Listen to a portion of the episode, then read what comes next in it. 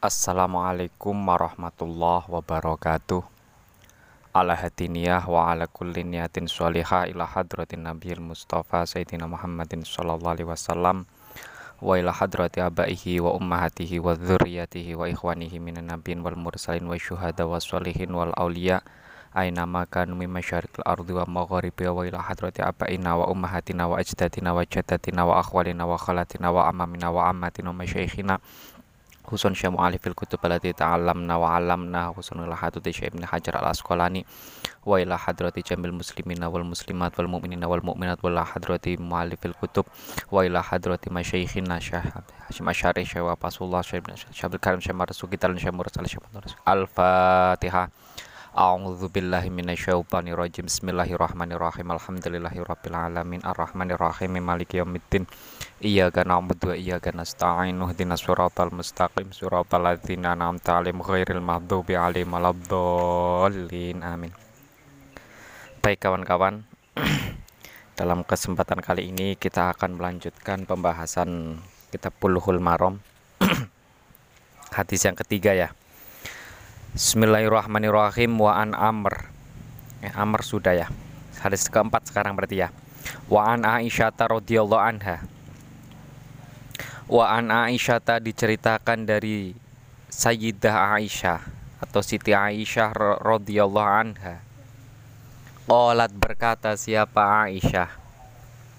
Karena ada siapa Rasulullah sallallahu alaihi wasallam itu yaghsilu membasuh. Itu yaghsilu membasuh siapa nabi almaniya pada mani. Thumma yakhruja yakhruju kemudian keluar siapa nabi ila solati untuk melakukan solat ila solati untuk melakukan solat fi dzalika saubi dengan menggunakan pakaian tersebut.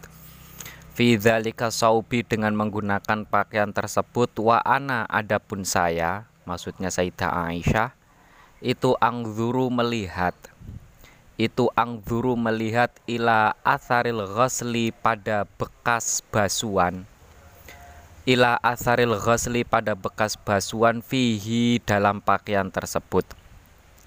Fihi dalam pakaian tersebut muttafaqun alaih ay hadza muttafaqun alaih.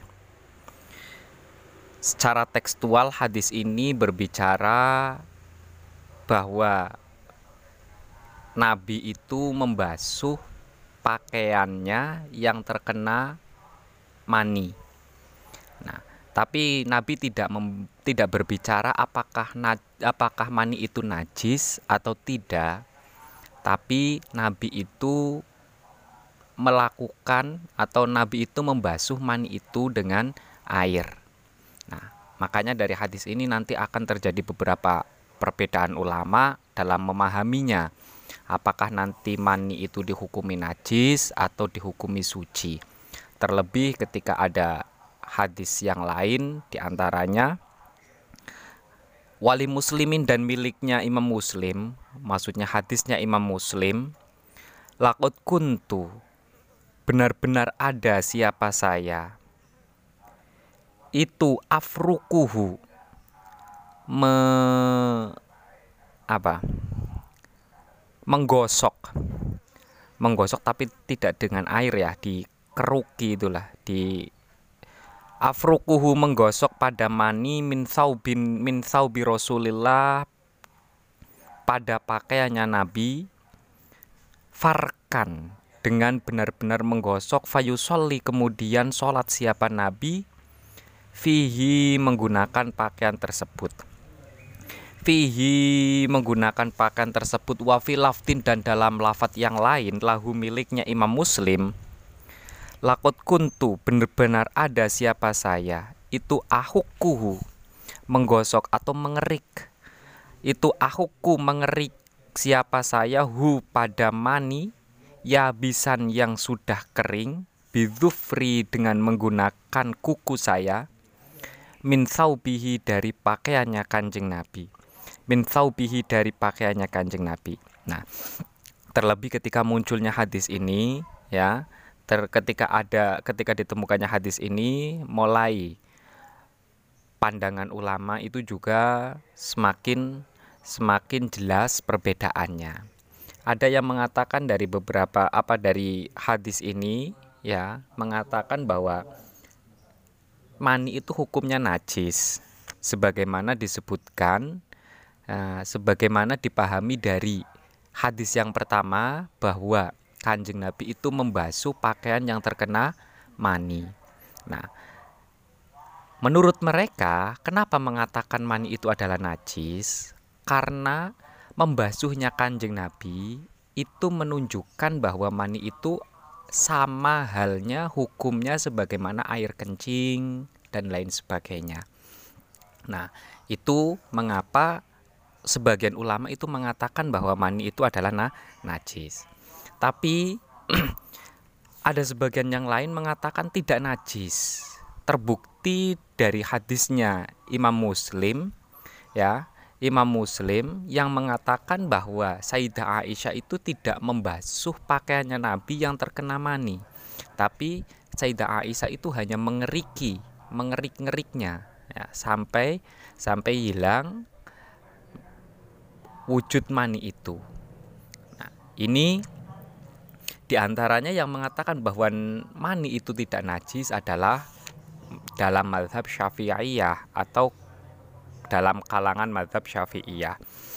Nah, tapi ada sebagian ulama yang me mencoba untuk menggabungkan antara dua hadis ini, ya antara hadis yang pertama yang mengatakan bahwa kanjeng Nabi itu membasuh pakaian yang terkena mani dan menggabungkan hadis yang bahwa Sayyidah Aisyah itu tidak membasuh pakaian yang terkena mani tapi hanya mengerikinya. Menurut ulama yang mencoba untuk menggabungkan dua hadis ini, membasuh yang dilakukan oleh kanjeng Nabi itu hukumnya sunnah, tapi tidak mengatakan ya tidak dipahami bahwa mani itu hukumnya na najis. Nah, itu berarti ada dua ada ada tiga. Ya secara global itu ada dua pandangan. Ada yang mengatakan mani itu ada najis ada yang mengatakan mani itu tidak na tidak najis. Nah kelompok yang mencoba untuk apa kelompok ulama yang mencoba untuk menengah-nengahi ya sunnah dianjurkan untuk membasuh tapi bukan berarti membasuh itu menunjukkan bahwa mani itu adalah na najis. Nah, ini yang yang coba yang hendak dicapai pemahamannya oleh beberapa ulama terkait hadis-hadis ini. Kemudian selanjutnya Wa'an Abi wasukunil mi wa an abi samha wa an abi samha dan diceritakan dari abi samha Kola berkata siapa Abi Samha Kola bersabda siapa Rasulullah Sallallahu Alaihi Wasallam? Yughsalu dibasuh Atau di dibasuh, disiram Dicuci Min baulil jariyati Pakaian yang terkena atau sesuatu yang terkena air kencingnya anak yang masih kecil, anak perempuan yang masih kecil. Yughzalu dibasu min baulil jariyati sesuatu yang terkena air kencingnya anak perempuan yang masih kecil. Wayuroshu dan diciprati min baulil gulami sesuatu yang terkena air kencingnya anak kecil air kencingnya air kencingnya anak kecil laki-laki. Akhroja mengeluarkan pada hadis siapa Abu Dawud Imam Abu Dawud wan Nasai dan Imam An Nasai wasohaha dan mensohkan pada hadis siapa Al Hakimu Imam Hakim. Dalam hadis ini itu menjelaskan bahwa ketika pakaian kita umpamanya terkena air kencingnya anak yang masih kecil dan anak itu laki-laki berarti cara mensucikannya cukup dengan diciprati. Tapi kalau anak kecilnya itu adalah perempuan, berarti harus dibah dibasuh sebagaimana sebagaimana mestinya. Tapi bukan berarti ulama tidak mengalami perbedaan dalam hal ini. Ada beberapa ulama yang memahami bahwa baik laki-laki maupun perempuan, ya kan, kalau air kencingnya mengenai pakaian kita, maka harus dicuci. Sebagaimana air ke apa sebagaimana yang disampaikan ya, sebagaimana yang disampaikan oleh sebagian ulama dalam hal ini. Nah, tidak ada perbedaan baik laki-laki maupun perempuan. Tapi ada sebagian ulama lagi di antaranya dalam kalangan Syafi'iyah cara mensucikannya itu ber berbeda. Nah, kalau perempuan berarti harus dicuci, kalau laki-laki itu cukup dicipra ciprati. Nah, ada sebagian ulama lagi di antaranya Imam Al-Auza'i yang mengatakan bahwa baik laki-laki maupun perempuan cukup dengan diciprati saja, tidak harus dicu dicuci. Nah, ketentuan-ketentuan ini ya, ketentuan-ketentuan ini berlaku apabila anak kecil tersebut it, apabila anak kecil tersebut itu belum makan, belum mengkonsumsi selain air susu ibunya. Kalau sudah mengkonsumsi yang lainnya selain dari air selain dari air susu ibunya, maka hukumnya sama cara mensucikannya sama yaitu harus dihos lu harus diba dibasuh. Itu ketentuannya.